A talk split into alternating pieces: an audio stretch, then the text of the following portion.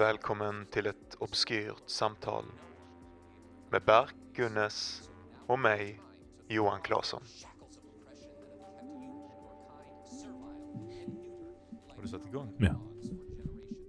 Jävla king. Jag försöker, jag har inte ens setat up the mic, microphone.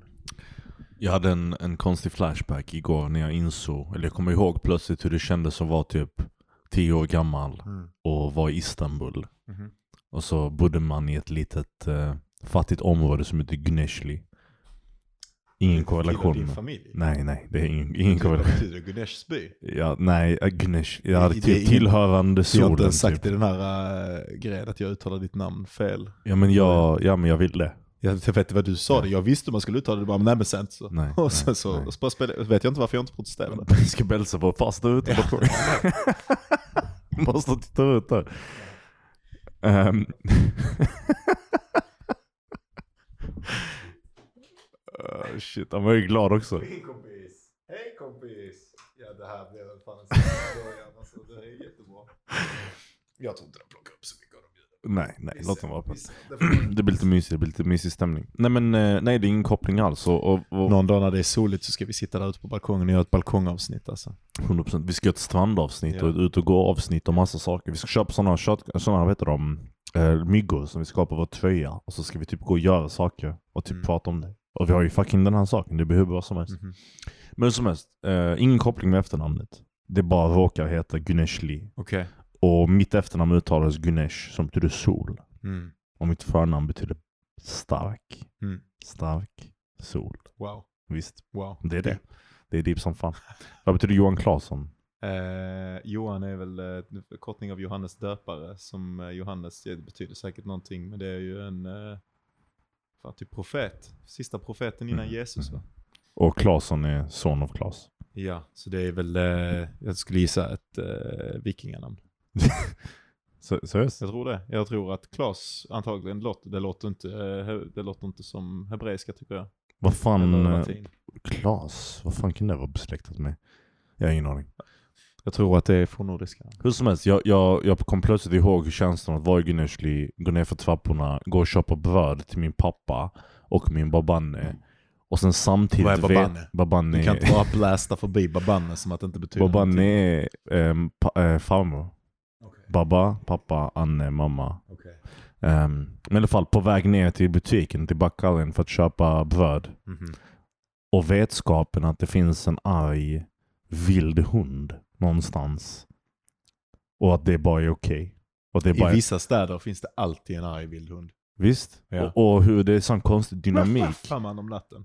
Visst? Exakt, Ja. de låter på kvällarna. Helt fucking sjuka och vilda rabiesinfekterade jävlar. Ja. Visst? Exakt. Eller typ så katter som typ så här tjuter som att de...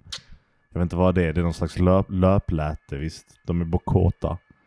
Och så är det bara en del av liksom city-dynamiken Ja. och, och, och ljud, ljudskapet. Typ. Det är som det. blåljus och eh, ambulanser i Malmö. Det är som Man hör ja, men det är klassiskt. Det är därför jag säger Malmö är i Sverige, eh, New York. Ja. Det här, jag bor, där jag bor på Sallerupsvägen behöver man aldrig oroa sig för att det ska vara tyst alltså. Fy fan. Det är riktigt nice. Sjukt att de sköt den killen precis utanför nu en sekund sedan. Här? Jag bara skojar, det var det att vi skulle skoja. Det var Jaha, ja, ja, ja, ja, ja. okej. Eh, nej, vad, vad har vi gjort? eh? Ja, vad har ja, vi vi kanske, ska, vi kanske först ska säga, adressa the fact att det inte var något avsnitt eh, förra Ja. veckan. Och vi bara inte uppdaterar våra sociala medier Exakt, och vi exakt. bara High Chaparrallade oss igenom det. Vi tänkte så här, vi bara, nej, vi kanske ska uppdatera det förr eller senare. Och så bara gjorde vi inte det. Nej. Jag var, eh, jag var lite sjuk först när vi skulle spela in och sen skulle jag fylla år och ha en liten eh, grej. Jag tillfrisknade och sen efter det så skulle jag fylla år så det var ju tvungen, så var det en massa håll igång för det. Ja, precis. Eh, det var en eh, coronasäker mängd fest men det var jävligt trevligt och trots att, mina, att jag hade protesterat så hade de bjudit med. Det var en överraskningsfest för Mm. mig. Polarna hade ställt till med. Och någon, någon jävla hade fått för sig att bjuda dig så du var där också. Det var inte bara så din jävla idiot, vad är det för skit? Jag var med och planerade saker. Nej. Jag satt i chatten och Nej. lyssnade när de skrev och läste deras små meddelanden om hur de skulle planera saker. Jag visste om det länge.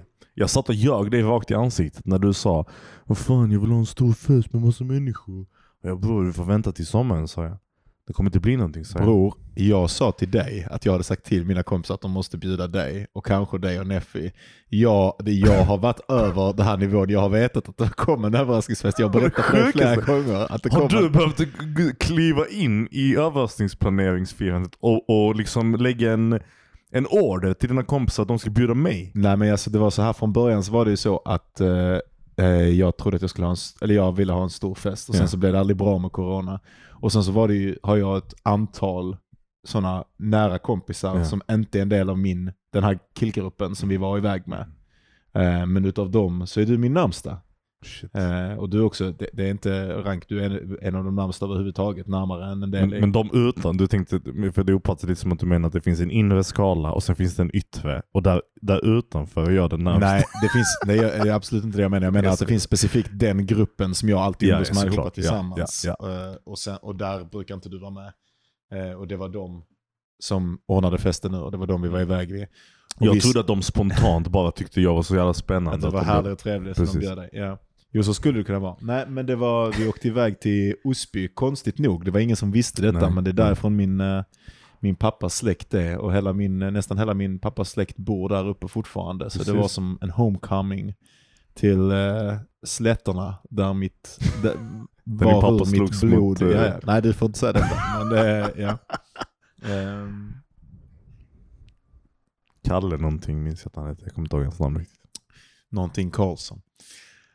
Ehm, men ehm, nej, eh, så vi åkte ut där, vi spelade lite paintball, det var skitkul. Ja. Eh, mitt lag vann alla matcher jag var med i utom den första.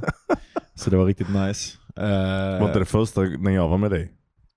eh, det kan stämma. Ja. Det kanske var därför eh, det gick. Det var då du, ja, du och- Edvard gick tillsammans Mm, och blev ihjälskjutna. Och så hamnade jag ute på min egen flank och så var jag liksom under en gran och det bara, bara ramlade kulor på mig från alla håll. Och sen tror jag tyvärr att jag gav upp för jag blev träffad i huvudet. Men sen Mm. insåg jag efteråt att det inte gjorde så ont. Så jag blev nog bara träffad av splitter liksom.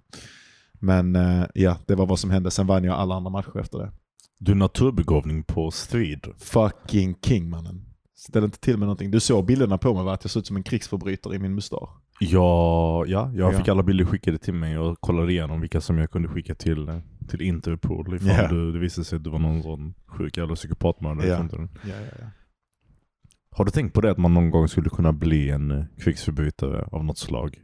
Eller typ en, person som utövat ett litet folkmord? Och att alla de som gjorde det en gång i tiden var typ 20. Okej, vi är inte 20 längre. Du är 30. Just det, det ska Det är också en, en viktig detalj. Ja. Just det, jag fyller 30 denna veckan. Det är fan sjukt. Ja, det är riktigt sjukt.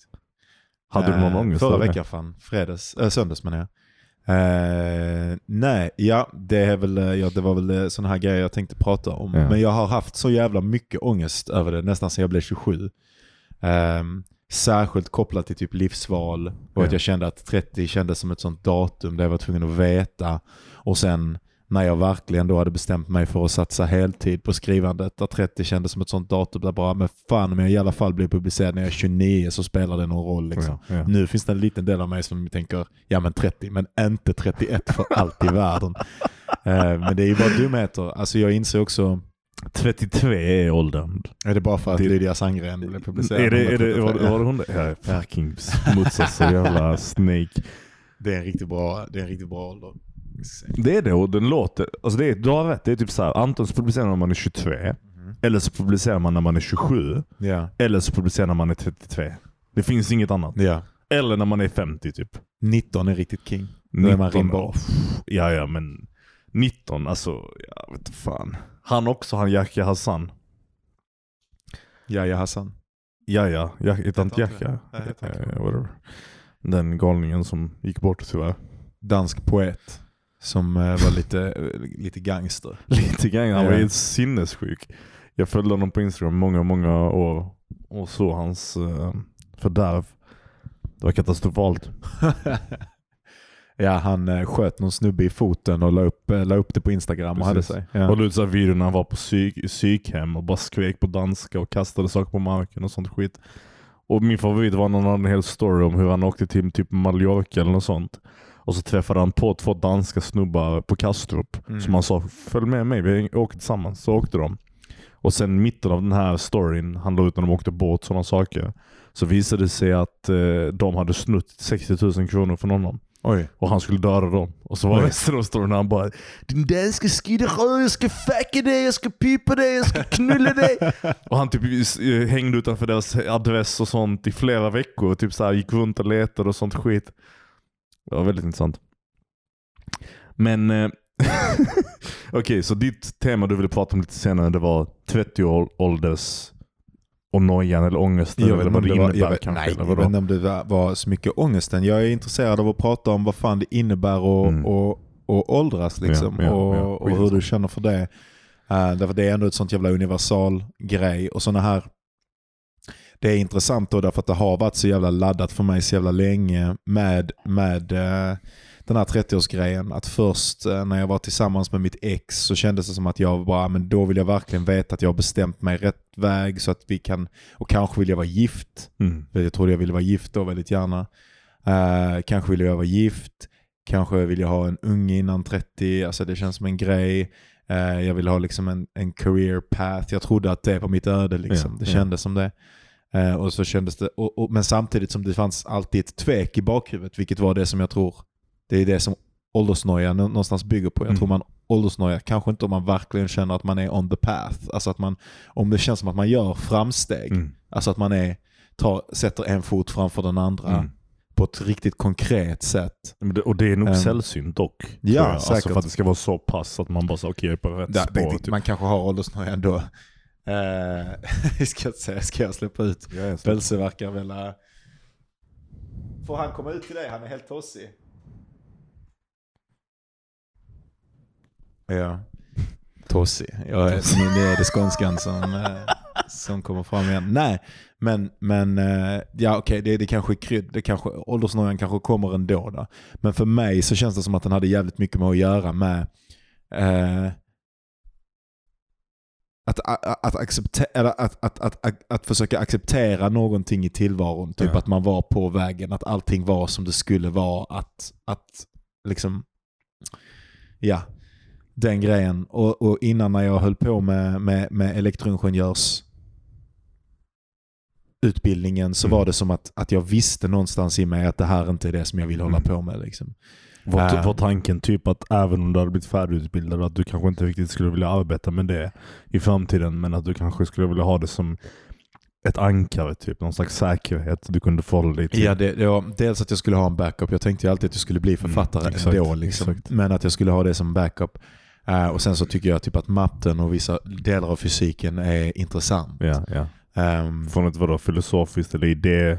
Ja, det, att, det, att det är vackert, exakt. Att Ja, jag tycker ja. om att interagera med det, men jag tycker inte att det verkar särskilt intressant att jobba med det. Nej. nej. Eh, och, och att ägna mitt liv åt det, det, är, det är verkligen en sån perifer grej för mig. Alltså det är som att jag spenderar all min tid på en sak som inte är den saken. Det som jag tycker att verkligheten, livet är. Precis. Vilket är mycket mer relaterat till em, konsten och filosofin Mm. och min andlighet. Liksom. Ehm, så, så, så, så ångesten var det och det känns som att jävligt mycket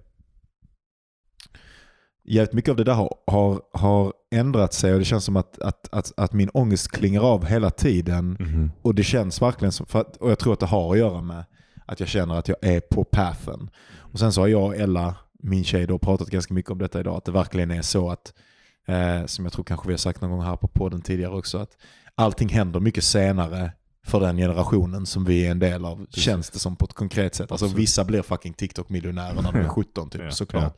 Väldigt snabbt. Eh, men in general så har det funnits så mycket distraktioner och sånt så att Mm. det känns inte som att man ser till exempel den mängden författare och sånt som är liksom kvalitativa Mm. wow författare som är 25 liksom Mm. och sådär. Nej, Utan nej. det tar längre tid ehm, därför att man har haft en jävla massa distractions Ja. on, på väg och det, det kan vara okej. Det är ett helt jävla livsöde. Jag håller med. Jag håller med. Eh. Jag tror en stor del av, av åldrandet är också att fatta det.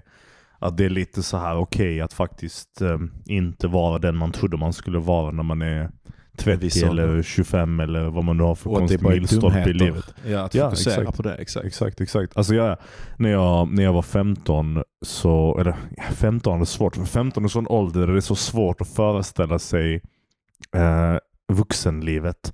Eftersom man är så många liksom milstolpar eller eh, vad ska man säga, platåer från att faktiskt hamna där. Så att det är så här, du, platå är helt fel ord, men whatever, du fattar vad jag menar. Alltså att man liksom delvis har grundskolan ska bli färdig, sen gymnasiet, sen universitetet och sen jobb. Det känns som många steg av bort liksom.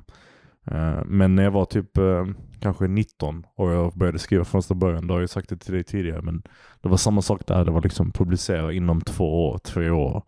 Eh, det måste jag göra typ. Alltså till och med så pass när jag var på bokmässan så, sa- så satt de här författarna runt mig och sa du kommer publicera när du är 22. Vi ser det på dig typ. Alltså vi vet det. Och så, nej. så gjorde jag inte det. Oh my God, så det känns skitbult. Jag Ja. skäms varje gång jag typ så här, jag vågar inte skriva till dem lite för att jag är lite så här. jag gjorde ju inte det. Ja. Men okej, eh, vi, vi, vi går inte in för mycket på den åldersgrejen för jag tänker att vi kunde ta det senare kanske.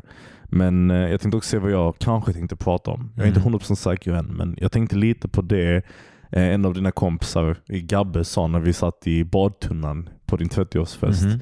Eh, och Det var när han vände sig om och sa att han hade lärt sig mycket från Obskurt samtal. Och bland annat att vara patetisk. Det har vi pratat om tidigare, det är som ett mål och jag har pratat om det som ett livsmål också. Att vara lite patetisk, Ja. vara lite, Ja. lite, lite för ärlig kanske. Ja, och inte, Mm. alltså att verkligen trycka igenom de resistansen och inte låta sig själv. Alltså, det, I alla fall träna på att släppa konsekvenserna av sitt handlande så som man tänker att konsekvenserna ska bli i en social kontext. liksom. Precis, Så det är precis. fan skitfett att han har fått ut det. Ja, ja, ja, ja, ja. Även om vi fick honom att tro lite att han hade bajsat i ansiktet där i ett ögonblick. Men, Men han, han hade ju också tolkat det på ett sjukt sätt. Hans, han, vad han menade med att vara patetisk, det var att våga använda selfie-sticken i badtunnan igen. var lite gubbig och fan, boomerig. ja. Men, eh, men det är i alla fall det jag tänkte kanske prata om. Men jag kanske ångrar mig när vi kommer dit.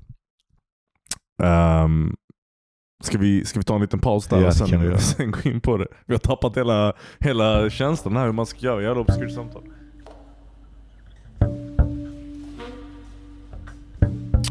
Um, jag fuckade upp. Nej men... Uh, vill du börja med ålderdom? Eller vill du börja med det patetiska? Med tanke på att du äter en pizza här framför mig. Samtidigt som Kolla här. Det här är ett, det här är ett, jävla, det här är ett jävla skämt, hela den här podcasten. Och jag börjar inse det mer och mer. Så nu, nu ska jag kränga en pizza, jag har lite monster, jag har lite rom framför mig. Det här är en jävla, detta, jag lever exakt den livsstilen jag vill. Jag är glad för din skull. Ja. Ja, jag tycker det är fint. Jag håller med dig om att vi inte ska ta det, ta det så allvarligt som vi kanske har. Jag är bara glad att se dig fördärva skiten framför mina ögon och förstöra podden långsamt. Liksom. Det, är bara, det är bara... Jag ska försöka äta en pizza så tyst jag bara kan. Så får vi se om det är, om det är ett rimligt beteende. Alltså det blir lite, det är lite multitasking här idag. Och Då kan vi kanske börja med att vara patetisk. Ja, ja, vi har pratat om det någon gång tidigare, men har du något i tanken som du tänker på med vad du tänkte med att Gabbe sa det? Alltså jag, jag har nog tänkt lite på hur jag har, fått, jag har svårt att vara patetisk på sistone. Jag tycker Okej. det är lite bult. Så här, det känns som en gång i tiden så var jag lite mer obrydd. Eh, eller det var till perioder kanske egentligen. Men ibland så är det som att man får för sig att man måste upprätthålla någon slags status eller någon slags bild av vad andra tycker att man är. Och det är Ja. då det är som svårast att vara patetisk. Känner du att du är inne i en sån period nu där du micromanager Ja. andras bild av dig själv? Ja, ja, ja, ja definitivt. definitivt. Då har du nog märkt själv tror jag. Men kanske lite. Alltså det är lite som med skrivandet, lite som med mitt umgänge bland människor. ehm, fast det är inte helt, helt om, alltså allt, om, allt omfattande. Det gäller inte allting i livet. På vissa ställen i jobb och så, så är jag lite mindre brydd än jag var tidigare. Men, men jag märker ändå typ, hur jag skulle, hur jag vill typ vara någonting som jag inte riktigt känner att jag är bekant med. Därför kan jag inte vara den patetiska idioten som jag kanske egentligen är. Liksom. Kanske är för man mår bättre. Du vet, det är svårt att vara patetisk och typ embracea det när man inte har massa ångest hela tiden. För att när man har det så är man lite såhär, till slut når man ett stadie där man bara, äh, skit Där, där är det man måste göra liksom. Exakt, för att överleva. Typ man bara, Jag tänker, eh, det, det vi, har varit in, vi har touchat det någon gång tidigare också, att, att liksom, vad ska man säga, det positiva med ångesten eller någonting är att det typ bränner bort allting det här eh, halvbra liksom. Mm, mm. Det, det, det, det gör att man kan inte bara softa och bara vara i världen utan man måste liksom verkligen rota i hur man själv är funtad för att försöka komma över Mm. den pissigheten som det är. Eh, Så jag tror att du har rätt att eh, ehm, när man kommer in i ett, i ett tillstånd av att vara lite för bekväm så kan typ så andra saker som egentligen skapar lite lidande men inte tillräckligt manifestera sig. Och en sån sak som, alltså, vi, ska ju, vi måste definiera våra termer här, vara patetisk. Det är inte så att man vill vara patetisk bara för att vara bara för sakens skull liksom, utan det är ju för att avlasta sig själv och avlasta andra och komma över de barriärerna som, som finns mellan människor och inte försöka upprätthålla den här masken som man har, som man inbillar sig att andra har Mm. satt på en och som man då känner utgör ett skådespel som Mm. man själv måste delta Precis. i. Delvis för det, det är också ironiskt nog ansträngande till den nivån att det ibland kan- hindrar dig från att vara den du egentligen är Ja, på och något du kan bli helt främmandegjord för dig själv. Alltså, Ja, du kan exakt, känna dig exakt. fångad Ja, på ett ja, jätte, ja. jättejobbigt sätt i den Ja. rollen. Jag hade det typ när vi pluggade litteraturvetenskap tillsammans för länge sedan. Någon sån här konstig bild av att jag var tvungen att, eh, att vara vältalig och formulera mig korrekt hela tiden. Eh, jag vet inte om det var för att jag kom från en lång tid när jag hade suttit på bibblan liksom och inte interagerat med människor som kommit till en universitetsmiljö där folk, du framförallt, faktiskt var en sån som kunde liksom väldigt enkelt och tydligt så här kommunicera. Right? Och så kände jag att jag inte riktigt var på samma nivå och jag typ ville verkligen också. Men ju mer jag kämpade med det, eh, desto mer främmande gjorde jag mig själv. typ. Och till slut så kunde jag inte vara smart. För att 90% av min arbetskapacitet gick Går ut på att att tolka, ja, precis, tolka hur den andra ska uppfatta mig Exakt, och sen hur jag ska exakt. säga någonting som jag Ja. hoppas ska få en reaktion.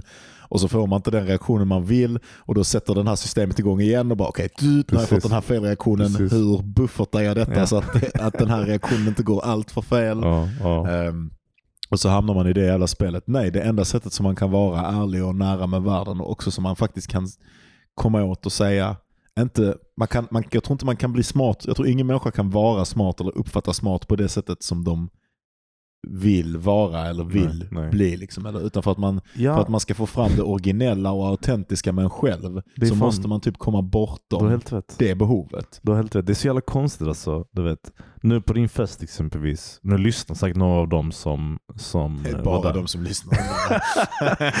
ja, hej grabbar. De var, det var kul mamma. att träffa er. Gabbe och Edvard. Roligt. Men, eh, nej men de, jag fick komplimanger från båda. Gabbe och från Edvard. Och Edvard kom fram till mig och sa liksom efteråt att han bara, ja men det här, det här var en jättefin podd liksom. Jag, jag brukar inte så här. han har säkert sagt det till dig också tidigare, men han sa det till mig liksom, i rummet när vi var ensamma. Um, och sen efteråt så sa några andra typ så här, men det var skittrevligt att träffa dig Berk och kul att du kunde komma och sådana saker. Liksom. Men sa- samtidigt som de sa det så hade jag så jävla svårt att förhålla mig till det. För att jag kände mig så jävla fucking bull. Alltså, det är också intressant, nu, nu nu blir det en sån där bekännelse, en patetisk bekännelse. Mm. Men alltså, ni, ni har ju en sån jargong och sånt sätt att vara på för ni är så nära vänner. Mm. Och jag är ju per automatik aningen utanför. Alltså det är oundvikligt i en sån här situation. Inte riktigt, jag kunde typ identifiera mig och hitta mig till Jag vissa tyckte att ställen. du passade in ganska snabbt och ganska enkelt liksom ändå. I vissa tillfällen ja, Mm. men andra tillfällen så kände jag typ en distans. Mhm. Alltså det, när vi var i bad, badtunnan och sånt och vi snackade, Mhm då kände jag inget sånt alls. Men det var typ tillfällen när jag bara såhär, ah shit, alltså jag är helt utanför liksom. Och, och, och, och, det jag känner, och eftersom man fokuserar på det när man är som minst, eh, när, man, när man är som mest utanför mest, alltså det är det man tänker på. Det är det jag identifierar mig själv som i, i, under hela helgen. Så när de sen säger såhär, men fan vad trevligt det var, men. Därför jag var man inte ens är, mig man, är, själv. man är typ. i kroppen. Man är så i kroppen att man inte känner av att man är där nästan när Ja. man har det bra. Precis. Men man är så utanför. Det är som att man sitter utanför och bara och sitter och funderar över hur man ska navigera sig Ja. in i gemenskapen ja. igen när man inte är i den. Liksom. Och därför så blir de, ja precis, det har någonting att göra med att man, man sitter och tänker så aktivt Mm. i de utanför-ögonblicken. Mm. Att det är då man skapar minnen som man sen kommer ihåg. Absolut, absolut. Och vad som händer också är att typ så här, du är ju en, du blir en ankare på ett vänster. Du blir som den enda personen som jag faktiskt känner. Så du gravit- och det var ju också din födelsedag så obviously graviterade jag mot dig en aning. Men jag, jag sökte mig lite, vad hände? Jag vill ha monstern, jag försökte göra en silent.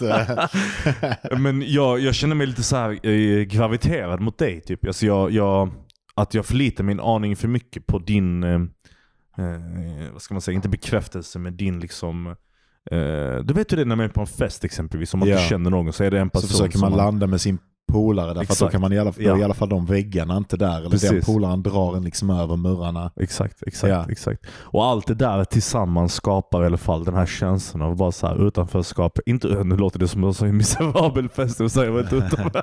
Nej det var skitkul men, men du vet ändå. Jag vet fan. Eh, Nej men alltså jag känner, du vet jag känner ofta samma sak med, med samma grupp till och med. Mm. Alltså till och med i den gruppen därför att eh, några av dem i gruppen liksom, alltså så, det, så det finns liksom hierarkier av detta Mm, alltid. mm. Några av dem är så jävla tajta därför att de, de spelar i band ihop och, Mm. och eh, umgås hela tiden. Och Alltså det, att jag har valt att inte vara med i bandet och jag väljer att inte umgås hela tiden därför att jag känner att jag måste jobba och jag har också en massa andra liksom, jag har andra vänner och Mm. andra åtaganden och är också in, mer introvert än vad de är. Så jag Mm. behöver, alltså även om jag inte har varit med dem, så om jag har varit med någon annan eller sånt så behöver jag vila upp mig från det och jag behöver Mm. bara vara själv och jag behöver skriva och whatever. Eh, men ändå, alltså så fort jag kommer in och det är liksom en massa sådana saker de vet om varandras liv och sådana grejer eller om någon tjej någon träffar eller vad det nu än kan vara så blir jag ju utanför på samma sätt liksom. Så man kan känna den dynamiken mm. i förhållande till alla Absolut, grupper. absolut. Det stämmer nog. Ehm, Det stämmer nog. Men eh, tror du det finns någon, någon styrka i det då? Alltså, eh, Jag har gillat innan att komma på fester där jag bara känner en person. Därför att jag, jag kan tycka ibland att det finns en frihet ja. i att det här, man kan alltid presentera sitt bästa jag. Mhm. Eh, sitt coolaste, sitt intressanta. Man kan berätta alla sina intressantaste anekdoter och man kan... Eh, Men då måste man typ komma till den Connecta. bekvämligheten. absolut. Visst, så att, jag fattar precis vad du menar. Jag har också, jag också varit på typ fester där jag har varit skitrolig och bara, men det här hade jag aldrig kunnat vara med typ vänner jag känner på samma sätt. För att jag kan typ slappna av helt och bara totalt förlöjliga jag mig själv. varit på eller såna, jag har till och med varit på sån fest hos dig ju, där alla, eller så du berättar sen efteråt och bara alla sa att Johan måste äta. Ja, varit, det är pinsamt att berätta att jag minns detta då, men det, det har, jag har varit på andra fester med andra vänner där jag liksom blivit bjuden och efteråt Mm. så sa den kompisen som har bjudit mig bara alla bara snackade om det. Wow. Och den grejen är ju som knark för en sån narcissist som mig. Liksom. Det, så det, och då har jag ju verkligen bara fått showapa så mycket som jag vill. Mhm, Liksom. mhm. Är det där det kommer ifrån då? Alltså du bara, det finns ingen anledning att inte vara Lattjo så du bara totalt... Ja, jag, jag tror att jag också har gjort det så jävla många gånger. Att jag, Ja. att jag verkligen gillar den grejen. Och att jag, och att jag, jag tror att jag är bättre. Jag, jag, jag tror nästan att jag är bekvämare i det. Ja. Att komma till en fest första gången och Ja, bara jag det. upp alla än vad jag är med jag har insett det, jag tänker på mig själv som väldigt öppen och på vissa sätt är jag väldigt öppen och det är det som den här podcasten bygger på. Mhm, exakt. Men där finns liksom vissa grejer med komplimanger och nära vänskap och nä- vissa, vissa saker där jag Mm. märker att bara fan här är nog någonting som jag saknar. Mm. Det är bara det att jag är i min kropp så jag kan inte märka någonting annat än saknaden. Mhm. För, att make det sense. Ja, jag tror alltså, Jag att, tror det. att jag bara känner att jag bara, fan här är typ ett psykologiskt rum som de andra har tillgång i, Mm. till, som jag inte har upptäckt att Mm. det finns Mm. än. Men jag kan inte, de, de, om, de säger inte till mig vad det är. Ja, Eh, kanske för att de inte heller har identifierat det. Och jag har inte identifierat det ja. i mig själv. Jag bara upptäcker att där är vissa sätt som jag bara inte kommunicerar. Eller som inte, det, det, det, det Men det, faller men det in kände jag definitivt i, i helg. Och, och på ett sätt. Jag ska förklara varför. Men, Aha. men, men, och det är skitintressant det du säger just det här med det, det psykologiska rummet man inte har tillgång till. Och, och vadå? Att, att de inte riktigt kan förmedla eller ens... För, du, du kan inte ens förstå vad det rummet är för någonting. Du bara vet att Exakt. det saknas. right? Exakt. Ja. Jag, ni, ni, jag får göra ett exempel. Det här är någonting som alltid återkommer när jag är på fester hos dig, eller med dig och dina kompisar. Och det är att ni alla kan texten till musik till en Mhm. sån fucking absurd nivå som för Ja. mig är så fucking främmande. Min flickvän exempelvis kan också texten till alla låtar hon har hört. Typ. Hon hörde den en gång så kan hon texten. Jag kan inte texten till en enda fucking låt någonsin. Och jag tror det är bara jag som är byggd på ett annat sätt när jag lyssnar på musik. Jag är mycket mer melodisk i, min, i, mitt, i mitt lyssnande antar jag. I don't know. Jag, jag, jag, jag gissar att det är därför i alla fall. Men så går jag på en fest med er och så varenda låt som kommer upp kan ni sjunga till. Och alla sjunger. Det finns sån gemenskaphet och alla "Ah, da, da, da, da." och vi kör bil och vi skrattar och vi skriker och jag bara sitter alltid där som en tyst liten idiot och önskar med allting att jag också kunde det. Men det är ju också, det är också för att vi har ett gemensamt bibliotek av musik som vi gillar, alltså våran, våran vänskap. Det, om vi allihopa skulle lyssna på äh, jävla äh, Domat, äh, Boris Mancho. Äh, den turkiska Cornelis Vreeswijk, om vi allihopa hade haft de här, kunnat de låtarna, och vi allihopa satt igång och Tomate, ta, ta, ta, da, da, då hade det ju, vad fan, då hade du också varit med där och gormat liksom. Det är Ja, bara har att inte rätt. samma låtar. Ja, ja det, och, och, det, och det har jag inte rätt för att dag, någon dag efteråt, så, eller nu idag igår, så tänkte jag på det lite. Och det var också min slutsats, jag bara, de måste ju ha samlat det här biblioteket tillsammans. Det är ingen slump jo, att de bara liksom. kan. Men, men, men det känns ju inte, när man är där så, så fattar man inte det riktigt. Man, man, hänger inte, alltså man hänger ju inte med i den, det känns ju bara magiskt. Men, men Gabbe kan ju också inte det till exempel. Alltså det är ju jag, Edvard, Ja. Viktor och Erik som, Ja. har, som har samma musikintresse Ja, och gillar exakt, samma sorts exakt. musik. Liksom. Jo, jo, jo. jo. Ja, ja det, det märkte jag lite och det, och det är fint. Det var faktiskt skönt att, att se. Jag kunde se en annan person. Armin kan ju inte heller några Nej, låtar. nej, liksom. nej. Så det är ju bara mest vi fyra. Och, det, och det, det blir också de som ibland blev mitt lilla extra ankar i de Mm. situationerna. Liksom. Men ja, så det, det är ett utrymme som är jävligt intressant. Och sen så kan jag ju förstå också att på ett sätt att vi kan ju också navigera i ett utrymme som, du vet exempelvis när vi pratar om mening. Då pratade Mhm. du och, och Erik om mening och så hoppade jag in. Och då Mhm. var det inte, då, då, då var det lite så här, inte så många som deltog i konversationen förrän Och så har det alltid varit med mig och Erik till Mm. exempel. Och kanske med dig och mig också, men inte, inte, vi är inte riktigt på samma sätt. Men med Erik har det alltid blivit att vi hamnar i sådana hyperspecifika Mm. konversationer. Där bara vi typ kan tugget. Mhm. Och sen så, ehm, så blir det, och det kan nästan där haverera en hel fest. Mhm. Fast inte vi tänker alltså att vi ska, men att vi sitter i en soffa och diskuterar något väldigt, väldigt Mhm. specifikt. Liksom filosofiskt eller vetenskapsfilosofiskt eller någonting issue. Mhm. Och, och, och sen sitter det bara en massa folk runt omkring som inte kan joina in därför att det är så specifikt för vad Mm. vi gillar. Men som ändå bara blir sittande där. Riktigt oskönt, riktigt grabbig grej att. Men, men exakt, men, men, men där hade du i alla fall, du hade ju kunnat vara med i tugget där och du var med i tugget lite grann också. Liksom. Medan andra kanske inte kan navigera den sortens fält helt och Mm. hållet. Och så är det, alltså du vet, alla de, alla de grabbarna gillar, är skit into eh, UFC. Mm. Och jag känner mig utanför alltid så fort de börjar prata om det. För att Mm. jag gillar, jag, alltså jag kan titta på det, men jag har fan inte tid och energi. Alltså jag, jag har mina grejer som jag måste ägna mig åt. Mm. Jag har mitt skrivande och mitt läsande då. ehm, och andra former av kunskapsansamlande som jag måste ägna mig åt. Därför Mm. att det är, kopplat till det som jag vill göra. Eh, och sen har jag då en liten tid av prokrastinering. Jag har inte och för mig så faller det sig i alla fall inte ännu in naturligt att vara så engagerad Mm. som de är i den grejen. Och då känner jag väl så som du känner med musiken. Alltså, Mm. Och det går ju heller inte riktigt, alltså om du inte är intresserad av de här banden på samma sätt som om jag inte är intresserad av de här Mm. fightersen så kan man typ inte komma in i den gemenskapen. Men den sorgliga, liksom, eh, sorgliga tanken jag hade var att fan jag är intresserad av den musiken. Jag tycker det var skitfint. Jag tyckte det var så, det, det var verkligen, alltså många av de här låtarna ni lyssnade på har jag liksom sökt upp nu efteråt. Och, eller av en slump har de har ploppat upp min telefon, vilket är lite läskigt. Men, och så har jag lyssnat på dem liksom och, och tänkt så fan varför har jag inte skaffat utrymmet? Är jag, kap, är jag kompetent nog? Har jag tänkt. Och sen har jag tänkt kanske, ja men okej, men mitt sätt att lyssna på musik är annorlunda. Och det är kanske bara är en del av vem jag är som människa. Det måste ju, det måste ju nästan vara så. Hur kan, man, hur kan man inte ha ansamlat sig en lika stark grund i musikalisk liksom, förståelse om man har liksom, jag har lyssnat på musik skitmycket men ändå inte textmässigt så kunnig som ni verkar vara. Ja. Det, det är massa dimensioner till det I guess och det har väl att göra med... med Men det har nog någonting med hjärna att göra också därför att eh, Pjodden till exempel är, är, är mycket mer så än mig. Mm. Alltså, jag, jag, kan, jag kan ibland få prestationsångest därför att han, jag visar honom plattor Mm.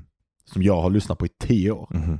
Och sen efter två veckor så kan han texterna bättre än vad jag kan. Ja. låtarna. Och alltså, jag kan väl kanske texterna bättre än dig. Ja. Men han lär sig, alltså han lyssnar på något sätt på orden Mm. Som ord. Mm. Jag plockar upp på en del ord men jag lyssnar på ord som ljud Mm. när jag lyssnar på musik. Jag har, har ingen aning vad någon sjunger förutom vissa utstickande termer. Så jag kan Mm. verkligen inte fokusera på orden som språk, Mm. som, som kommunikativa Det enheter. hade man ju fan inte trott om man lyssnade på det sjunga. Men det kanske bara är så tio år av erfarenhet. Ja, men liksom- många av de här grejerna är liksom saker som vi har, alltså, vi spelar ju mycket klassiker, liksom, saker Ja. som jag lyssnade på sen jag var 15. och Exakt, exakt, exakt. Men ja, nej, jag antar att det är där någonstans. Det här är väl ett sätt också, det här segmentet för mig att, att berätta om. För det är, jag känner mig lite patetisk när jag berättar detta. Och det är Ja, lite det, nice. ja, absolut. Och det är lite nice Ja. att vara lite så, berätta om hur man var osäker på en fest. Ja, för att det tar bort hela grejen. Känslan av det för dig, Ja. det släpper på trycket. Liksom. Mhm, Exakt. Exakt. Uh, ja fan. Ja fan. Vi tar en liten paus där. Ja vi gör det. Ja. Vi gör det.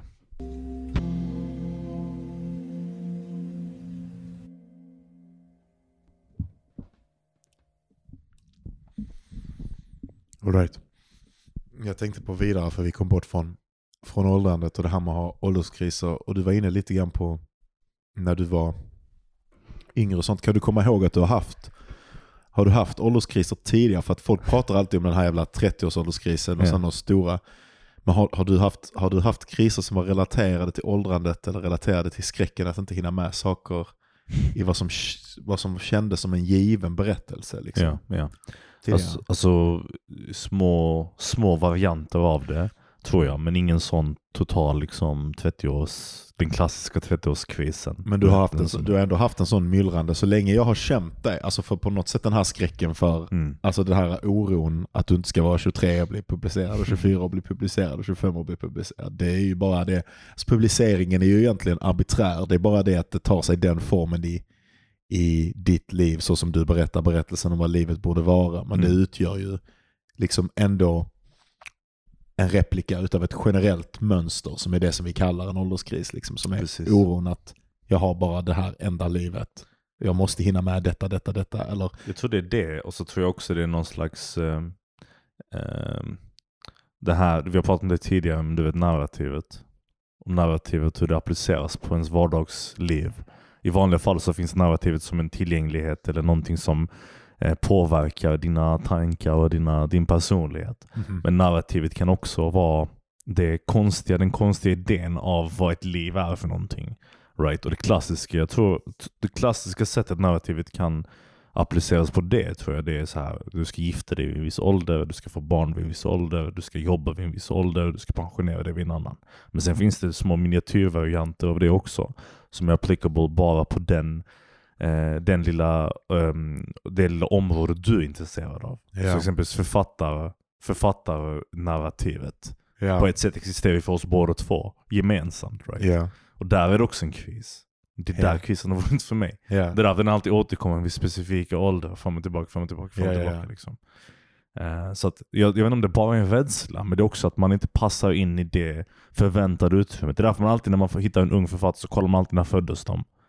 Eller så hittar man gamla, nya, gamla författare som man gillar, så kollar man när publicerade de första gången. Mm. De här Man har en klassiska... sån skräck man, är- att man inte ska passa in.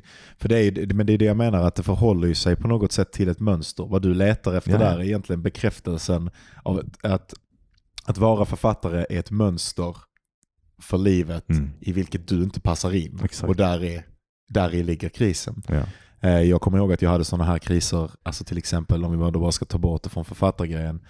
Eh, Jag kommer ihåg detta innan när du sa någonting med att vara 15. Frågan var om jag inte hade en sån här kris när jag var 12 eller 13 eller någonting sånt här. Eh, Det hade något, jag kommer ihåg när jag var 13, definitivt att jag hade, det är den första ålderskrisen jag kan komma ihåg att jag hade. Jag- minns att jag gick vid lekplatsen i Glumslöv, nära där mina föräldrar bor. Har du har varit vid den, va? det här jävla båtleket? Där, där är en båt, man går ner från, eh, från torget ut på en sån, där finns en lekplats där. Eh, jag kommer ihåg att jag går in på den lekplatsen och jag bara inser hur mycket mitt liv inte är som det är och att jag trodde att det var en big deal nu när man blev 13-14. Att man, man skulle kunna prata med tjejer, man skulle vara sportig, man skulle ha många kompisar. Ja.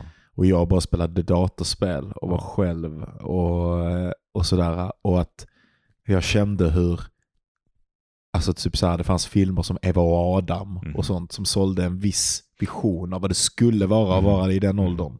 Och hålla på med sport och hångla första gången och kanske ligga och eh, ha alla sådana här ungdomsupplevelser, köra moppe som man sen skulle komma ihåg, kasta boll.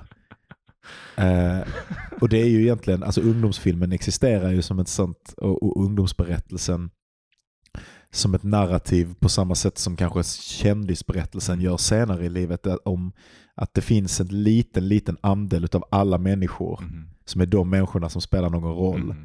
Och det är de som är med om en speciell, intim, häftig upplevelse som sen utgör liksom den mytologiska kärnberättelsen för människor som, som är i den åldern. Jag förstår precis vad du menar. Och den var inte jag med i. Nej. Och det kommer jag ihåg. Jag bara, fan jag kommer inte vara 13 igen. Alltså när jag är 35, så, alltså 45, 55 så kommer jag titta tillbaka och bara Så säga att det pass. var osynligt. Och jag kommer ihåg till och med att jag pratade med, med min mamma om detta. Detta är så jävla sjukt. Hon bara, ja men livet är långt. Och jag bara, alltså jag var så övertygad. Jag grät tror jag. Och jag bara Ja. så här, jag bara, nej det är fucking, det är nu alla säger att det är ungdomen som är liksom det som betyder någonting Mm. och det som är det stora. Det är ju den sjukaste lögnen i vår kultur. Att det är då när man är, men fan, det är fan ingen. Det är bara de som pikar tidigt som är lyckliga när de är 15. Alla intressanta det typ människor jag vet. grundskolan och gymnasiet är den bästa tiden Ja, alltså det är massa sådana. När man är så här, f- 15 och snygg och ung eller fucking 20 och snygg och ung eller Jag whatever. är bara full då. Ja, jag med. Jag med mannen. Eh, och det är liksom... eh, Alltså, grejen är att jag tror att, alltså, det är intressant det du säger att ha någon slags, vara 13 år gammal och sen tänka sig fram till när man är 35 och sen att man ska ha, vara ledsen över nu och därför får man ångest. skitkonstigt. Alltså, jävla konstig unge då. men men jag, jag hade definitivt en, en, en liknande sak, men inte riktigt det. Men det var, det var rädslan att inte längre vara 13. Alltså jag var med och liksom Eh, alltså det är inte så att min 13-årsålder var någon fantastisk period eller någonting sånt. Men, men jag kommer ihåg vissa perioder när jag varit liten och så när jag blivit lite äldre. Och så när jag fortfarande varit liten nog att komma ihåg eh, när jag var liten. Och så har jag typ fått någon slags nostalgi, nostalgi eller någon slags skräck av att växa ut för snabbt. Så jag bara, men jag brukade leka så och jag brukade göra de här sakerna och nu kan jag inte för jag är för gammal. Och så försöka klinga sig fast vid de här sakerna. Jag hade sådana ögonblick när till exempel eh, när jag köpte typ leksaker som jag var lite för stor för. Men jag fattade inte det. Och typ min pappa, typ hur han eh, typ mobbade mig för det. Så här, om man ska vara krass, var det det han gjorde. Han, jag kommer ihåg när vi gick, jag kommer väldigt hur vi gick till Triangeln och så köpte vi en, och så skulle vi handla någonting och så ville jag ha en leksakshelikopter. Ja. Och jag var typ, eh, jag vet inte, jag var inte så stor men jag var ändå typ så här 12 kanske. Ja. Och så köpte han den till mig. Alltså han bara, okej vi köper den. Och sen så gick jag hem och så var jag så fucking glad och så lekte jag med den. Och så sa han, så var vännen sig till mig och så han bara, varför leker du med sådana barnleksaker? Och jag kunde inte säga någonting för jag var helt så, men jag tänkte till mig då, jag bara, men det var ju du som köpte Ja. den till mig. Eh, Och jag tror det är, en, det är inte en ålderskris på samma sätt som du beskriver, men det är ändå någon slags, jag tror ändå nu i efterhand att det var ett försök för mig att så här, hålla mig till den barnsligheten som jag tyckte att jag tillhörde. Typ. Jag ville vara. Du vill inte gå vidare in i nästa fas. Eh, Exakt. liksom. Och sen också samtidigt obviously en bajsig kret säga till sin son, som även om du upplever honom som äldre än han är, att få leka med de sakerna som han vill leka med. Du vet, är, borde, borde, borde han få göra. Liksom, eller hon. Men, men sen en annan ålderskris som man går ett steg fram. Jag vet inte om du har samma upplevelse där, men, men, men eh, eh, vad heter det? Tonåren. Alltså jag snackar literally liksom första gången, alltså typ såhär när du blir en man. Fattar du? Ja. Alltså, ska man förklara utan min mamma lyssnar på det. Eh, när liksom, när det, någon tar ditt blomster. nej, nej, nej. nej det är inte det. det om. Alltså inte så ens, typ Eller pratar om. alltså, fuck it, jag säger det ändå. När man, när, när första gången man liksom, jag kommer ihåg jättetydligt Jaha, gången. vi ska prata om, om, om onanera Nej. vad är det vi ska prata om? Du, du gör något Vad gör det du gör någon konstig grej med händerna. Jag fattar inte vad jag ska tolka det som. det? Ja, men? Jag snackar om alltså, typ såhär, första gången jag hade ett könshår. Typ. Det, Jaha. där, det är för mig, det, Alltså vad kommer du från för konservativ familj? Det är väl ingen... nej alltså Hon men har säkert sett you. ett könshår förut. Ja, ja, jag är klar. Men, men jag kommer ihåg den skräcken. Ja. Alltså, jag hade sån is, ilande skräck i kroppen att jag nu var vuxen. Men fan det är inte samma sak som det du beskriver fortfarande. Fast och det, är någonting, det har någonting med det. Det har någonting ändå. För jag, för mitt... Det, det, jag, jag, jag fattar vad du menar. Det ena har att göra med typ bara insikten. Det är samma, det, ditt är att hitta ett grått hår eller någonting. Ja, alltså det är så här att se förändringen som innebär att någonting är förgånget eller sådär. Um, fast det är ändå rätt så likt. Det, Det är ju ändå- likt men det är inte riktigt samma sak ändå. inte samma. För det som jag menar har specifikt att göra med alltså, samma sak som jag menar då att den här Mm. författargrejen har att göra med. Vilket är att man har köpt in sig på en berättelse om vad livet måste vara. Och sen går man runt och skapar sig själv en massa lidande Mm. över att livet inte är det. Mm. När man egentligen lever i ett liv. Alltså nu om jag tittar tillbaka, alltså, jag, det, för det är ju, jag hade ju fel liksom. Mm. när jag tittar tillbaka på min barndom och allting sånt, jag bara shit vad jag, alltså jag kan nästan känna en sån kärlek för det Mm. barnet som jag var, som var så förvirrad och led så mycket när det inte Mm. behövde lida. Och har kunnat dra så mycket visdomar från det barnets lidande. Mm. Som på alla sätt är en helt annan person. Liksom. Mm. På alla sätt utom att den saken som reste genom det barnet fortfarande reser i mig. Ja. Själva tittandet. Liksom. Ja. Men eh, allting utanpå själva tittandet är ju en annan person. Ehm, och, och jag kan känna en sån, ja, alltså en, en, en, en djup, djup kärlek för att jag, för att jag var, för den, det barnet som var så förvirrat och gick på den lekplatsen Mm. och, och hade en sån sorg. Och, och, och när jag kan känna igen det, att jag fortfarande går och gör den saken idag fast med andra mål. Ja. Eh, så, så kan jag känna hur hela saken lättar. Därför att jag så, ser att det var barnsligt som jag gjorde då. Ja. Och det är barnsligt att jag går och gör det än idag. Det var min följdfråga. Liksom. Ja. Du antar då att en, en äldre Johan kanske tittar tillbaka nostalgiskt till nu? Alltså jag kan, jag, ja, för nu så går jag ju, ja absolut. Mm. Nu tror jag att jag kommer vara en av de perioderna som jag är mest nostalgisk över. Mm. Och jag pratade med Ella idag, att alltså jag går ju fortfarande och oroar mig för framtiden. Och när folk frågar mig vad jag gör så skäms jag Mm. och behöver säga att jag pluggar en konstnärlig utbildning och att jag Mm. inte har någon plan för framtiden. Att jag Mm. har, eller jag har ju, eller jag har ett mål men jag har ingen plan Nej, för hur det ska precis. gå, gå till. Liksom. Utan jag bara jobbar och jobbar och jobbar och jag vet inte hur lång tid det ska ta och jag kan inte ge någon några konkreta svar. Och, eh, jag vet inte vad som ska hända när mitt CSN tar slut och Mm. en massa grejer. Eh, och, jag, och, och då känner jag att, att jag måste bevisa att jag är smart. Jag har, Ja. bara, jag har gjort det här beslutet av min egen fria vilja, inte för att jag, jag eh, du vet, är, är för Korkad lallig eller ja, korkad precis, eller någonting för, så att jag inte skulle kunna göra någonting annat. Det är liksom, finns en massa egoiska grejer. Får du också den skräcken då att du ibland tänker fan jag, jag, jag, jag, jag, jag hade kunnat vara så kompetent inom ett praktiskt Ja. typ Alltså jag, jag var ju, när jag pluggade matte till exempel Mm. så var jag ju då topp tre av de 60 som jag pluggade Mm. med. Liksom.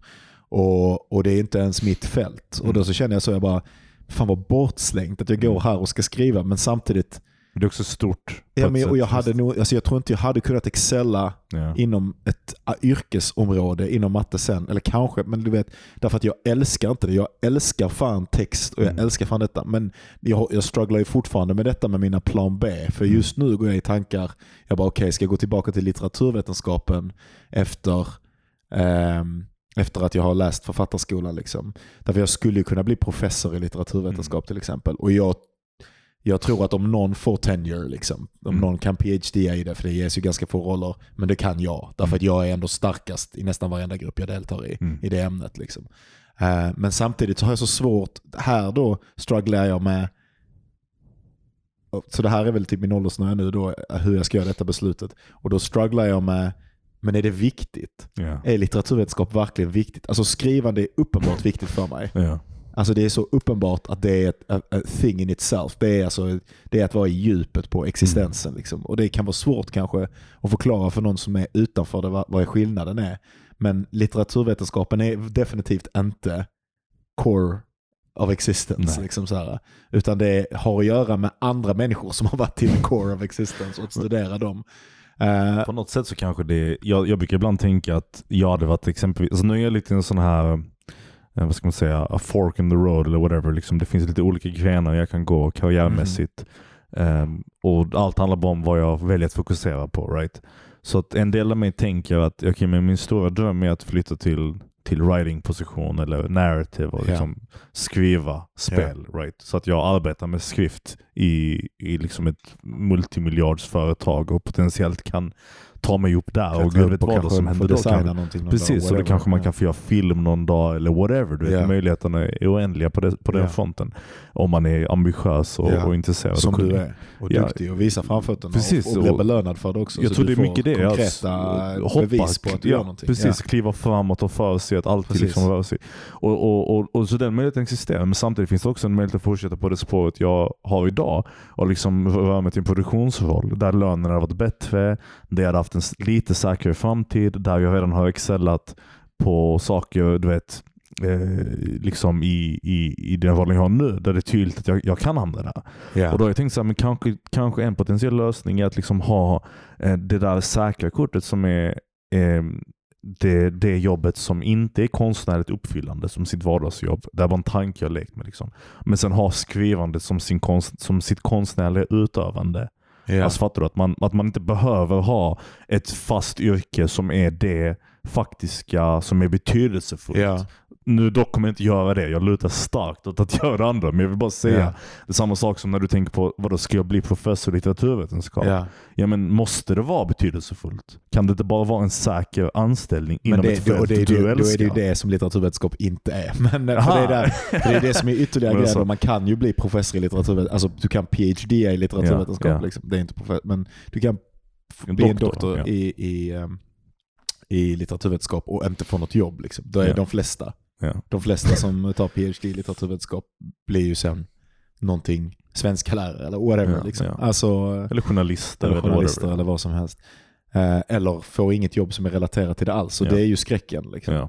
Eh, med, medans om jag till exempel hade gått in i, i, i Ja, men det är detta. Det här är, jag, jag vill inte ta upp det Nej, på dess förlåt, tid. Detta är bara så här. Men, men, men, men ehm, i alla fall så, så, så det existerar fortfarande i bakgrunden. Mm. Och det kommer ju att existera fram tills jag vet Mm. att jag har fötterna inne i någonting. Så får jag någonting publicerat, då vet jag i alla fall att jag har en inväg in i...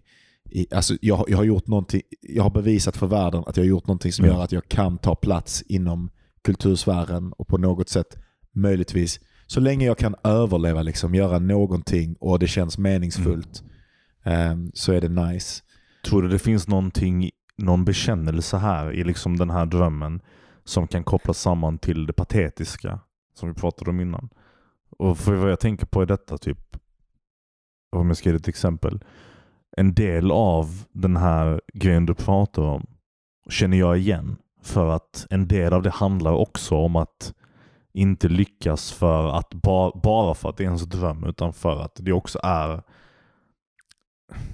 någonting som man typ har lovat sig själv att man ska lyckas med. För sakens skull nästan ibland. Alltså det är nästan som en, den ultimata utmaningen typ att bli färdigpublicerad författare. Det som Ja. alla sa till en att man inte skulle lyckas med eller att man inte borde göra. Eller det Mm. som eh, det vardagsnarrativet tyckte lät som en dålig plan. Right? Och så på någon front ändå så, så finns det ju det också som en stor, stor um, eh, motivationsfaktor i skrivandet. Som är utöver att man älskar att göra det. Vilket gör det i mina ögon lite patetiskt. Alltså patetiskt på det sättet att det är fult. Det är liksom så här. Det borde inte vara det som är motivationen till att skriva. Nej, nej, Men man nej. vill vara bäst. Ja, man vill vara smartast. Man vill Såklart. vara den unga författaren. Ja, det finns i alla, alla, eller många som skriver i alla fall. Särskilt tror jag unga killar som skriver eh, att man har det här superbehovet att, att eh, det här är, det är det ultimata beviset på att man kunde göra någonting som Mm. ingen kan göra. Mm. Känner du det då? Ja, det är klart. Men det har blivit mindre och mindre. För varje år som går så blir det mer skrivandet för sig själv. Mm. Vid någon tillfälle så sitter man ju själv så många timmar att det inte går längre Ja. att argumentera att man gör det för någon annan skull än sin egen. Därför du kan inte sitta och skriva som en jävla idiot sju timmar per dag och sen säga till någon, ja men jag gör det för att jag vill bevisa för någon annan. Ja. Du gör det för din egen skull bara vid det tillfället Ja. tror jag. Vad... ehm, Ska vi ta en paus? Ja, absolut.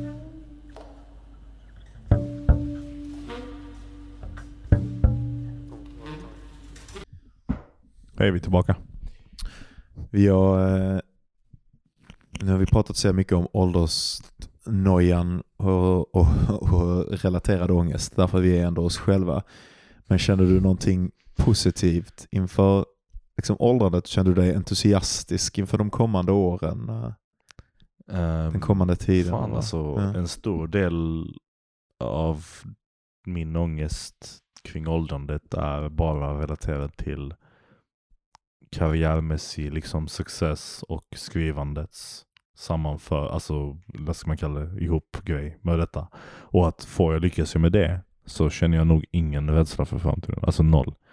Bara det. Alltså, det enda som jag, ja, det är två framtidsalternativ. Den ena är att jag är typ så 60, gråhårig, eh, lite snygg, äldre, vältränad man. Du vet, men Ja, du, man ser att det är dit det är på väg. ja, absolut. Eh, och, tack.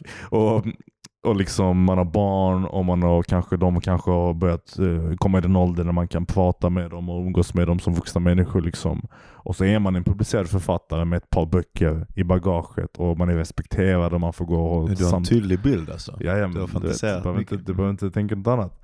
Och sitta på bokmässan och ha så här konversationer med sina gamla skrivarkompanjoner. Johan Claesson ses på andra sidan. Vi, vi går ut och skjuter gevär, skjuter gevär någonstans och kanotar tillsammans och röker dyra cigarrer och skit och bor i en jävla sommarstuga som vi åker tillsammans med våra barn och sånt när vi är gamla.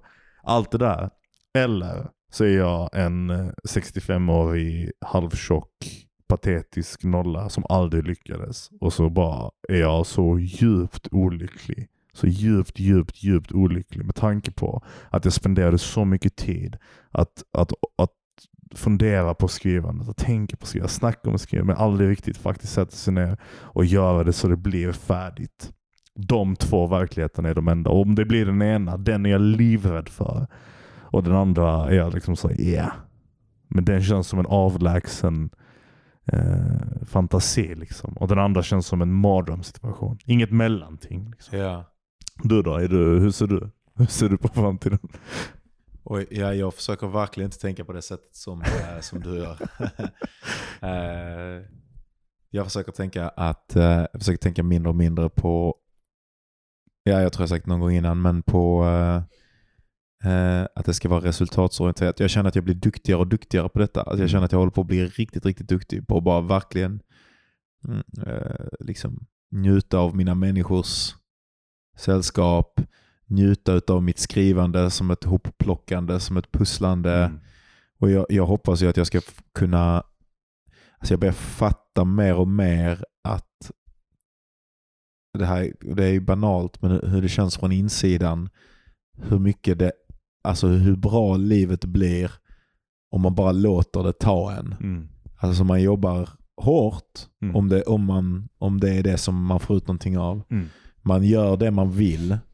Alltså så man sitter inte bara och flyr från livet genom att dricka sprit eller Ja, kolla på Netflix precis. eller någonting. Utan man ägnar sig åt det som man brinner för.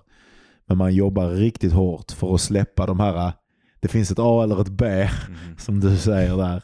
Eh, därför att gör man det så tror jag att man mäter varenda sak som händer i förhållande till de grejerna. Även fast man tror att man bara leker med dem och fattar att det kommer bli någonting mitt emellan. Men, men, men jag vill vara tydlig här, alltså min A och B-fantasi är inte eh, den fantasin som motiverar mig eller som jag liksom bär på och släpar på varje dag. Nej. Utan i specifikt frågan om vad ser du din framtid som?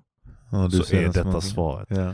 Men det är inte någonting som jag sitter, alltså jag njuter också av skrivandet. Jag njuter också av att ö, arbeta hårt och Ja. liksom lära mig saker och ha konversationer som dessa. Ja. Du vet, det är såklart, och vi ska vara tydliga här.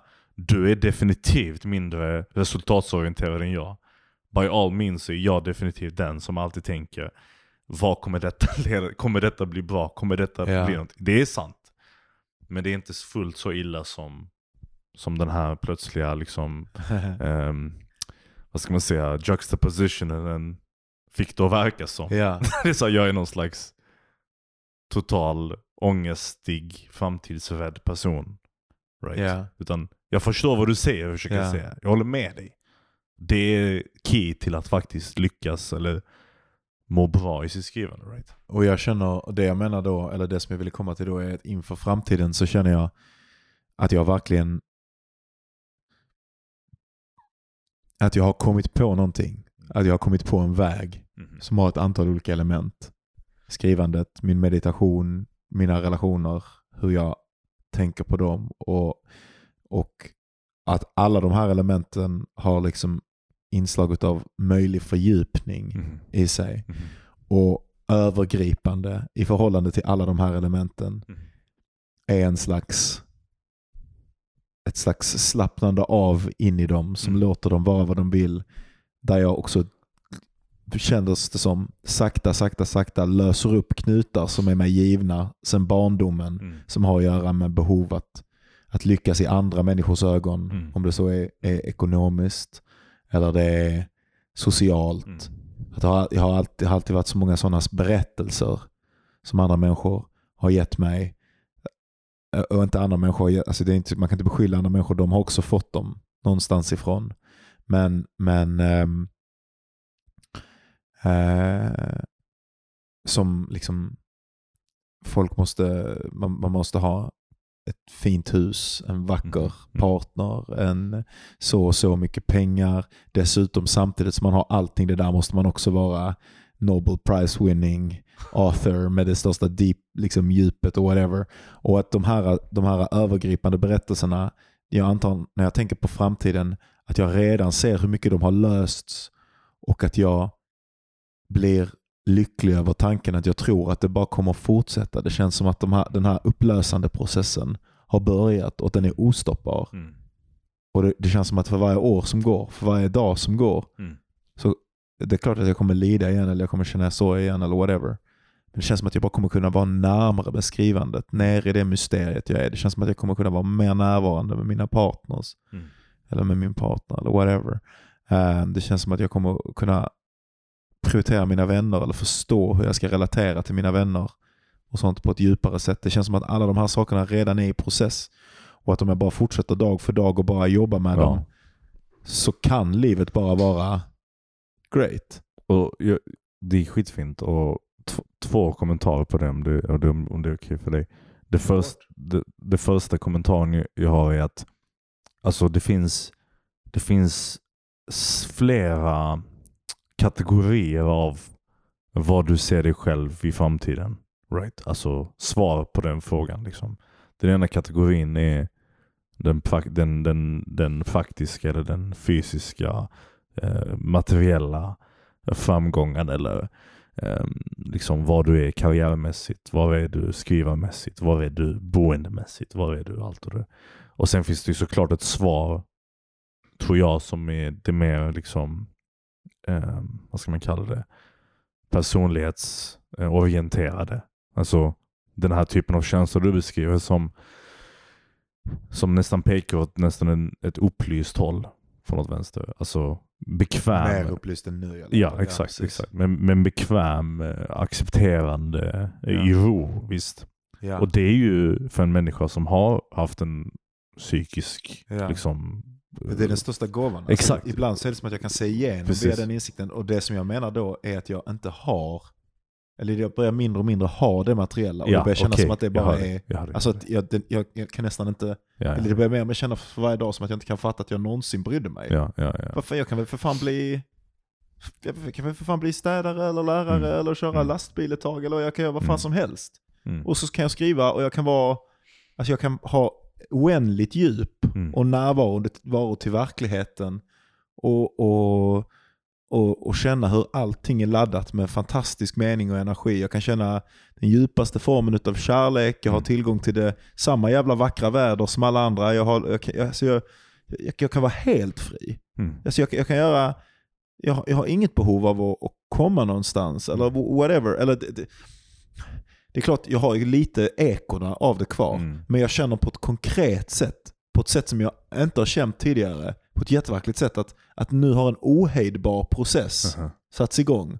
Därför varje dag som går, och ibland ekar det, jag hade också en massa sådana grejer som kom upp nu när vi var på festen, Ja. där jag kände att jag drog, drogs ner i sådana gamla mönster av att hävda mig Ja. och sånt och så kom upp och, och, och särskilt när man dricker så blir man ju verkligen en sämre variant av den man är. Ja. Alltså typ så här, du och jag bråkade om, om definitioner av IQ och sånt där, så där jag tror att ingen av oss brydde sig oss om positionerna. Men man bara Ja. börjar bråka och så bråkar man för sakens skull. Eh, och det hade typ nästan inte kunnat hända liksom, på det Ja. sättet när man var Nej. nykter. Men när man, Nej. man, man, blev, man åker fyra år tillbaka, då kan man nästan få se som ett foto av ett sätt att vara människa på, som man skulle kunna Fan. vara. Det är intressant det du säger, bara snabb liksom då, kommentar på det. Det är att, ja, alltså, jag tänkte, det, var, det var någonting jag funderade på när jag kom hit också, nu idag, och jag träffade dig och, och Ella liksom, och, och vi pratade lite och så innan vi började spela in. Att det, det finns faktiskt en så tydlig skillnad mellan, alltså det var, det var såklart by all means liksom Johan så som du är där också. Men Ja. det var ändå en tydlig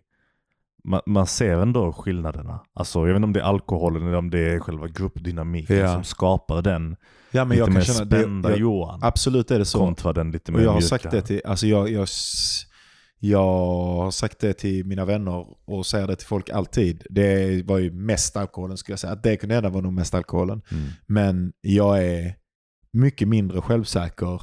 Jag har alltid föredragit att umgås med folk one-on-one. Ja, samma. Därför att det från... Det, det, jag, jag, jag, jag kan känna hierarkier Mm. ta plats Mm. på ett väldigt konkret sätt Mm. eh, när jag är med många människor. På ett sätt som, alltså, ja, det är nästan som ett fysiskt fenomen. Ja. Och jag vet inte, alltså det, det, det är säkert ett litet inslag av det som är sant. Ja. Men, eller det är snarare, det är sant. De som jag upplever som är, är, är, är högt i hierarkier är högt i hierarkierna. Mm. Och de som jag upplever som lågt är, är lågt at any point in time. Det som det, det, det är bland annat därför jag har kunnat sälja och sånt för att jag har en, Mm. sån, en sån väldigt, väldigt intuitiv fysisk känsla. Men däremot det att det är väldigt jobbigt för mig. Mm. Att jag lider så jävla mycket av den grejen. Det är det som också pressar mig till att vara hemma mer. Ja. Och jag, alltså jag, jag får mig att verkligen ogilla. Alltså jag älskar Hans. Jag har aldrig haft en så riktigt stort grabbgäng som Ja, jag har nu. ja. Liksom, till exempel. Eh, utan jag har alltid haft ett par stycken eller, eller en och en eller sådär. Men, men samtidigt så, så är det väldigt psykiskt påfrestande för mig. Därför att det hela tiden testar. Jag blir hela tiden indragen Mm. i en massa sådana machospel och även andra sorters bara sociala spel. Mm. Eh, där, där vi så får komma tillbaka till början, Mm. där jag känner, där jag tar på mig den masken. Eller jag, nästan, det är nästan som du vet i The Mask, jag försöker dra av den, jag försöker ja. komma ihåg vem jag är. Och känna mig så som jag gör när jag är själv, eller när jag bara är med dig, eller när jag bara är med Ella. Och bara vara trygg och, och bekväm med mig själv. Men jag känner hur den här gamla Johan, eller en variant utav mig som, ja. som, som, som är väldigt, som, som känner att den måste kriga för att behålla en Ja. topposition i de här hierarkierna hela tiden. En, en nervositet, en stress som då dessutom gör det omöjligt. Det är en sån självuppfyllande profetia på något sätt. Att Mm. den bryr sig så mycket om hierarkierna att den, den blir avundsjuk och svartsjuk för allting. Att om det går bra för någon annan så, blir så, måste jag, så blir jag direkt nästan besviken. Om någon Ja, annan får en ja. komplimang så blir det ett zero sum game där jag inte har fått en komplimang och sådana grejer. Det är liksom tusen olika Ja. saker som kommer in och jag hatar den personen som jag blir. Och i den sortens situation, det- jag tror ändå att det är bättre än innan därför att jag är ändå medveten om att detta händer Mm. i situationen vilket gör att jag inte helt identifierar att det är sant Mm. det som händer. Men jag har inte kommit till ett ställe där jag kan vara Nej, den jag det känner att jag den själv är. största utmaningen. Ja, Liksom. Att det, det är relativt, jag vill inte säga lätt, men det är relativt lättare att vara i ro en och en eller när man är själv Ja. och, och finna en slags, ehm, för man är inte utmanad av externa krafter. Right? Och, Men- även, och även då, som vi sa tidigare, om man går på en fest med nya människor. Därför att nya människor, om de tycker jag är fräck eller, Mm. eller inte, eller sådär, det spelar mindre roll. Nej, utan det är precis, ännu mer när det är typ så här, att det känns som att det finns trådar Precis. av social tävlan som har funnits jättelänge. Men det är också så här. Och så vet jag inte om de bara är i mitt huvud. Det är Ja, också det, att det ja. får mig att känna mig som en dålig person. Därför att det verkar som att mina polare ibland bara kan ge komplimanger till varandra och sånt. Och jag kan ju också göra det ibland. Eh, men, att för, men att för dem så upplever inte de det som att de här tävlingsgrejerna finns. Ja, eller ja. någonting. Alltså jag kan säga så här, jag är nog lite som du där och jag tror också att jag kände av det på festen på ett sätt. Eller i stugan, det var ingen fest riktigt men du förstår. Ja, det var det. Whatever.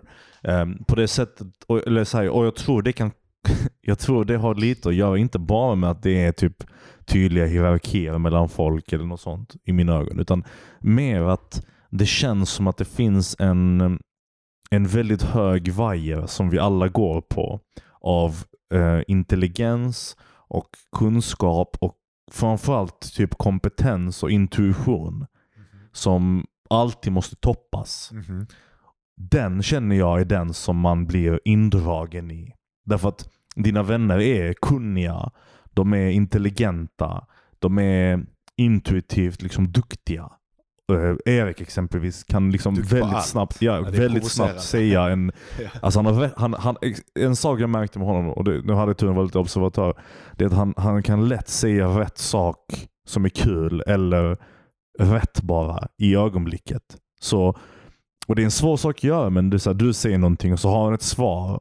Och så säger du jag någonting så har han ett svar. Och det är alltid kul. Eller lite, alltid så här. Och själv lyckas man med det ibland.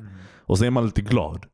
Men han känns som han lyckas med det hela tiden. Och det automatiskt skapar en känsla av tävling. Mhm. Därför man vill ju också vara sån. Ja.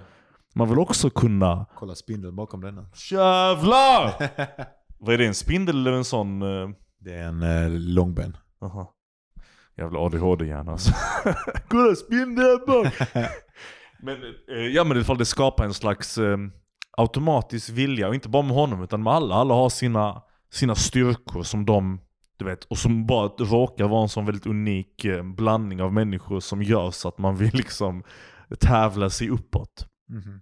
Det för mig känns som, som en av anledningarna till varför det är extra svårt kanske i den kretsen att lyckas slappna av lite. Mhm. Eh, men jag ville säga i alla fall innan, jag hade två saker att säga. Det första var eh, ett svar på den här, eh, de här skillnaderna mellan det materiella och den, och den mer, eh, vad ska man säga, personlighetsorienterade eh, framtidsbilden. Jag ska bara säga, jag blir, jag blir avundsjuk nu när du säger det. Varför Att det? du, har, att, att du har sagt att du har den uppfattningen om Erik och inte om mig. Aha, men att han är, vänta, vi, han säger jag ska svara. Jag ska svara, jag ska svara på det. Men så jävla, på tal om patetiskt så har ett bra exempel. Eh, nej men vi tar, vi, tar, vi tar det sen. Det andra jag ville säga var att alltså, det du upplever med den här ron och allting sånt som jag nu strabbade. det är att, det är att ehm, du har Eh, du har, det, jag tror det som har hänt, om jag ska vara 100% ärlig, är skrivandet och den totala fokusen på det konstnärliga. Därför att den, den ger en sån styrka i ens inre värld. Ja, ja, ja. Där man kan utforska, man tillåts utforska det. Ja, och så känns och det som att- staka ut verkligheten. Att innan jag skrev riktigt, riktigt mycket så kändes det som jag bara, men vad vet jag egentligen Ja. om någonting? Nu vet jag vad jag tycker. Jag vet Precis. inte någonting om världen utanför Precis. mig, men jag vet väldigt mycket om min Exakt, värld. visst du utforskar konstant inre och så känns Ja. det också som att det, det inre utrymmet, typ, jag kommer ihåg när jag satt och skrev som mest, så känns det som varje dag så utökades eh, mitt inre fysiska rum. Mer och mer och mer och mer varje dag. Och ju mer jag läste, ju mer jag skrev, desto, det skrev desto, desto bredare var inre Berk. Jämfört med nu exempelvis, där jag känner mig lite fyrkantig. Så att jag tror att det är en sån sak som jag avundas extremt mycket att du får göra, det har jag sagt innan. Men, men för att svara på din patetiska, din patetiska liksom, din outburst där precis som Erik. Jag tycker, du vet att jag tycker du är en gud. Alltså du... det här var inte, det här, det här hjälper ju inte. det här gör bara allting värre. nej men, fan. men eh, eh, nej, jag ska inte ge dig, jag vill inte ge dig komplimanger. Jag gillar inte att ge dig komplimanger. Nej, jag, jag- hatar att ge jag- dig komplimanger. Ja, Jag hatar dig så innerligt. snuskig med. Alltså. Man kan inte ge mig. Jag tar till mig det igen. Det känns, jag ska bara kolla, nu. har vi spelat in svinlänge nu? Det känns som att vi har spelat in. Ja, vi, det här blir två timmars avsnitt. Men det är kanske tur, kan vi klippa det i två. Ja. Så slipper bli nästa vecka. Jag bara ska. Men ehm, du, det jag ville säga där är att alla har sin hierarki. Jag tog Erik som exempel bara för att det är ett enkelt exempel att ta upp. Så alla människor i den här umgängeskretsen har sina styrkor med saker de kan göra. Mhm. Och, och en sak jag tänkt om dig förresten, och nu han, höll jag aldrig en jävla tal på din födelsedag, inte för att jag skulle göra det, men det hade varit kul. Men du är, du är ju verkligen en renässansman har jag tänkt. Och det är men det är så, jag måste säga, det här är mitt tal, det här är mitt Ska du 30-årstal säga till dig. på podcast? Nu gör jag det det, för alla. det är helt sjukt att jag har en podcast där jag bara har my best friend coming on och får ge mig så här, duscha mig med komplimanger. Det är det, jag ska ändra Ja. bild och sånt, en, en, fin, en fin coverbild av ditt ansikte Ja. med massa fina komplimanger nedskrivna och ett hjärta över hela. Nej men du är en renässansman och det för mig betyder att du är expertkunnig inom så många områden som väldigt få människor har haft tiden, tror jag, för jag tror inte på IQ, intelligens, nej, men, ska jag, men äh, har haft tiden och möjligheten att kunna komma till. Och jag tycker det är beundransvärt. Och jag kämpar alltid med, med känslan att, äh, att tävla med dig, att känna att jag är bekväm med att du är kunnig inom saker jag inte är kunnig om eller kan saker jag inte kan med. Att älska det, att känna eh, en stor förundran för det, att, att hata det, att alla massa sådana komplexa känslor kring det. Jag tycker det är en väldigt spännande sak att känna inför någon. Så. Men, eh, men, och det känner jag inte för Erik, han är bara en patetisk nolla på det sättet. Fuck you Erik. Fuck Ja, you. ja, det din var- jävla jippo. Jag ska bara säga, han är, det, han är exakt det. Och jag tycker du är exakt det. Det är bara det att dina grejer är typ eh, psykologi och vissa andra aspekter utav berättande och sånt vad mina är. Mina är väldigt mycket filosofi och andlighet och så. Jag kan liksom ingenting om, om historia eller psykologi eller någonting, massa sådana grejer som du kan skitmycket om. Och sen är Erik är bara en provocerande svamp. Mm. Och det tror jag är för att han har så jävla högt IQ. Det vet jag att du inte tror på, men det gör att han bara, så fort han bara intresserar sig för någonting i en månad, Mm. så hade han, hade han bara börjat bry sig om poesi i en månad så hade han varit en bättre poet än mig i slutet av det. Det är ju skitstörigt, men så är det. Men det, Eh, det, det är en sak jag märkte när vi var där, du har djup, djup respekt för honom. Du, du har det klart, Han är verkligen. en av mina bästa vänner. Nej men absolut, men man såg det verkligen extra tydligt där. Det var liksom verkligen en sån stor kärlek och det var fint. Uh, Medan jag stod i så här mörkret bakifrån. Då klipper vi detta, nu blir det för personligt. vi skulle ju vara patetiska, detta Ja, är min ja, ja, bekännelse. Eh, men ja, det blir ett fett jävla långt avsnitt. Vi, vi avslutar Vi får där. se vad vi gör. Om det blir, om det blir två timmar så kanske vi klipper det till två. Ja, jag, ska se. jag ska försöka redigera Eller så är, så är det ett kompensation för, för förra veckans avsnitt. det, det, det är väl det, exakt vad det är. Okej, jag tror, behöver vi ens spela in ett introavsnitt? Nej, inte ett Nej. avslutning heller. Det här är avslutningen. det, är. Eh, tack för att ni är med oss eh, vecka efter vecka. Hoppas det här var ett eh, nice avsnitt. Eh, vi har fortfarande en förhoppning att vi ska tajta till det här skeppet lite grann. Precis. Men eh, idag behövde vi, hade vi grejer vi behövde snacka om så att det blev Exakt, lite exakt. all over jazzigt som vanligt. Och ni som kommer till mig i privata rum och berättar att ni gillar podden, gör inte det igen. Utan dela fucking podden till era Ja, kompisar. samma sak här nu. Ja, alltså jag vill inte höra skicka det till vänner. Vi Ja. behöver in nytt blod i Precis. lyssnarskaran. Vi har en Precis. trogen lyssnarskara, men vi har en Precis. liten... Det är någon jävel som lämnar vecka efter vecka så... Tut, tut, tut. Och om inte ni fucking tipsar era fucking polare så, så kommer jag och Bark... eh, Vi kommer fortfarande spela in, men det kommer vara jävligt ensamt. Ja, det kommer bara vara jag och du och min mamma som Ja. lyssnar. Och så har vi hela den här grejen med mitt könshår, så blir det bara så jävla Ja, pinsamt. det blir jätte... Och så, så, du vet, när, vi, när någon av oss blir publicerade så bjuder din mamma hem oss för att äta en jävla god turkisk gryta eller någonting. Jag vet vad man äter. Och så är det bara dålig stämning därför vi alla tre vet den här könshårsincidenten är i bakhuvudet. Så vi kan inte prata med varandra, ingen vågar titta någon i ögonen. Det Men, kommer eh, suga. Ja, det kommer vara jättepinsamt. Ja. alltså helt sinnes. Och, och det värsta, din mamma har ju så börjat gilla våra Facebook. Min mamma lyssnar nog på podden. Alltså. Ja, det är ännu värre då. Ja. Båda Då- våra mammor, vi bjuder dem båda grytor. Eh, Så din din mamma hade velat komma hem till oss och äta, kan vi inte, det blir någon Bara slags... min, mamma, min pappa, då ska Nej. han, inte, han får inte komma. Nej. Vi kan prova, det kan vara riktigt obekvämt. Men det kan vara, vi kan sätta ihop våra kanske, Riktigt obekvämt. Eh, vi avslutar nu. Ja. Men fucking dela skiten och så om ni gör det så lovar vi att vi kommer kontakta Monster i Skidvik och få en sponsring så småningom. Jag måste avsluta den här bara.